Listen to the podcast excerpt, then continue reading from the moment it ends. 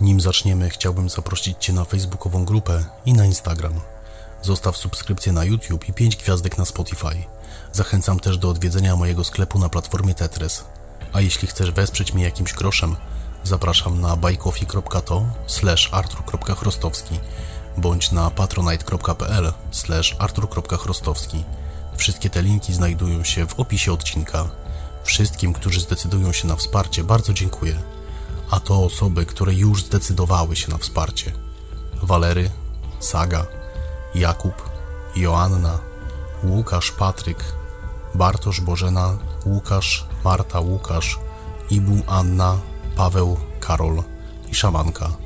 Bardzo Wam wszystkim dziękuję. To dzięki Wam powstaje nasz podcast. Niech bogowie Wam darzą. Sława. Bywało u przodków naszych tak, że nie zawsze szło tak, jakby chcieli. Nie zawsze pięknie było i szczęśliwie. Czasy, w których to na nic nie brakowało i dobrze się wiodło, kończyły się tak szybko, jak przybywały. Dni, w których to urodzaj gościł na stołach i w sercach przemijały, a tedy to nadchodziły dni grozy.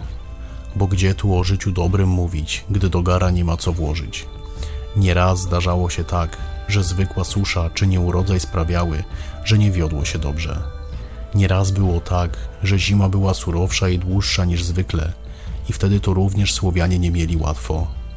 Nieraz zdarzało się, że zwykłe lenistwo doprowadzało do klęski, ale bywało też tak, że do domostwa zawitał ktoś, kogo wcale nikt tam nie chciał, że w odwiedziny przyszedł ktoś, kogo nie chcieliśmy widzieć, ktoś, kogo pozbyć się trzeba jak najszybciej, lecz rzecz to niełatwa, by wygnać intruza. A był to taki ktoś, kto na ziemi Słowian wzbudzał lęk okropny, tak wielki, że strach myśleć nawet o tym. O kim mowa? Ano, już śpieszę tłumaczyć. Ale nim zaczniemy... Cześć, ja nazywam się Artur i chciałbym Ci przedstawić choć ułamek wiedzy, o której nie posłuchasz w szkole. Prawdziwych przyjaciół poznajemy w biedzie. Biedę się klepie na wsiach czy w miasteczkach, w grodach czy w osadach. Nieważne gdzie. Wszędzie doskwiera mniej więcej tak samo. Nie ma litości nad tym, do kogo właśnie przybyła. Jej wszystko jedno, czy to chłop, mieszczanin, czy ziemski właściciel. Wszystkich do tego samego stanu sprowadza. Czy to dawniej, czy to dziś. Wszystkie demony słowiańskie straszne były, ale żaden nie męczył tak jak bieda. A wierz mi, że z biedą to żartów nie ma, bo nieśmiertelny to potwór jest. Ni spalić go, ni kołkiem przebić. Ale czym właściwie jest bieda? Myślę, że tego nie muszę wam tłumaczyć, bo demon ten jest z nami do dziś i bawi się świetnie. Pewnie nie raz i nie dwa i ty go doświadczyłeś. Nieurodzaj, głód, brak środków do życia, pech i wiele, wiele innych zwiastują, że bieda jest blisko. Ale jak właściwie bieda wygląda? To już pytanie, na które odpowiedź pewnie bardziej Was interesuje. A więc śpieszę tłumaczyć. Bieda to stara kobieta, wysoka niczym drzewo, chuda i wysuszona niczym gałąź. Szpetna jest, powiadam ci, jak mało kto. Odziana w łachmany podarte i stare. Tak, że jak spojrzysz na nią na chwilę, to wiesz, co do ciebie przybyło. Ale zaraz, gdyby tak wyglądała cały czas, to każdy by unikał jej jak ognia i nikt by jej do domu ze sobą nie zabrał. Jest w tym sporo prawdy, a i bieda głupia nie jest, bo dobrze sobie zdawała sprawę z tego. Dlatego też w swej niegodziwości potrafiła zmienić swą formę na taką, która nie wzbudzała podejrzeń. Gdy ofiarę sobie upatrzyła, potrafiła postać swą zmienić w coś zupełnie niepodejrzanego. Kamień, patyk, mysz czy motyla. Potrafiła zmienić się w chrust zbierany do paleniska, w piękny kwiat zerwany do domu dla ozdoby, w zgubioną przy drodze łyżkę przez wędrowca.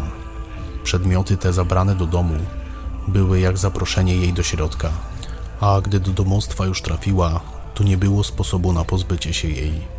Raz, że najpierw odkryć trzeba było, pod jakim przedmiotem się chowa. Gdy już ta sztuka się udała, wtedy to zaczynał się festiwal różnych sposobów. Kto ją wyrzucił, głupi był, bo nim do domu wrócił, ona już tam była. Kto ją spalić chciał, na próżno próbował, bo nie paliła się na żaden sposób. Kto do wody wrzucał, sprawiał tylko, że mokra była, a do domu i tak wracała. Biedę łatwo przygarnąć, ale ciężko się jej pozbyć. Wedle niektórych podań, biedę należało komuś podarować. Najlepiej komuś, kogo bardzo nie lubimy. Kogoś, komu damy ją bez wyrzutów sumienia. Wtedy to pójdzie ona z uśmiechem na twarzy, uprzykrzać życie komuś innemu. A jak to jest żyć z biedą pod jednym dachem? Gdy już kąt u ciebie znajdzie, musisz być gotów na wszystko. Zabierze ci wszystko, co masz, a zostawi ci tylko tyle, byś z głodu nie pomarł. Zwierzęta zaczną chorować, a wskutek tego pomrą. Pola uprawne nawiedzi susza bądź pożar. Ludzie się od ciebie odwrócą i sam zostaniesz w biedzie. A gdy poczujesz, że masz dość i pora coś z tym zrobić, to diablica zacznie ci siłę odbierać, byś nie mógł z nią walczyć. Taki to los tego, kogo bieda nawiedzi i w domu jego mieszkać będzie. Dlatego strzeżcie jej jak mało czego, bo nigdy nie wiesz, czy kwiatek, który właśnie zebrałeś, to nie jest coś, czego przez wiele, wiele miesięcy bądź nawet lat się nie pozbędziesz. A ty, kiedy następnym razem przysiądziesz przy ognisku, spójrz w ogień, poczuj zapach mocnego alkoholu i powiew wiatru, rozejrzyj się wokół i zobacz, czy nie patrzy na ciebie szpetna wysoka kobieta, bo być może zmierza do ciebie bieda. Sława.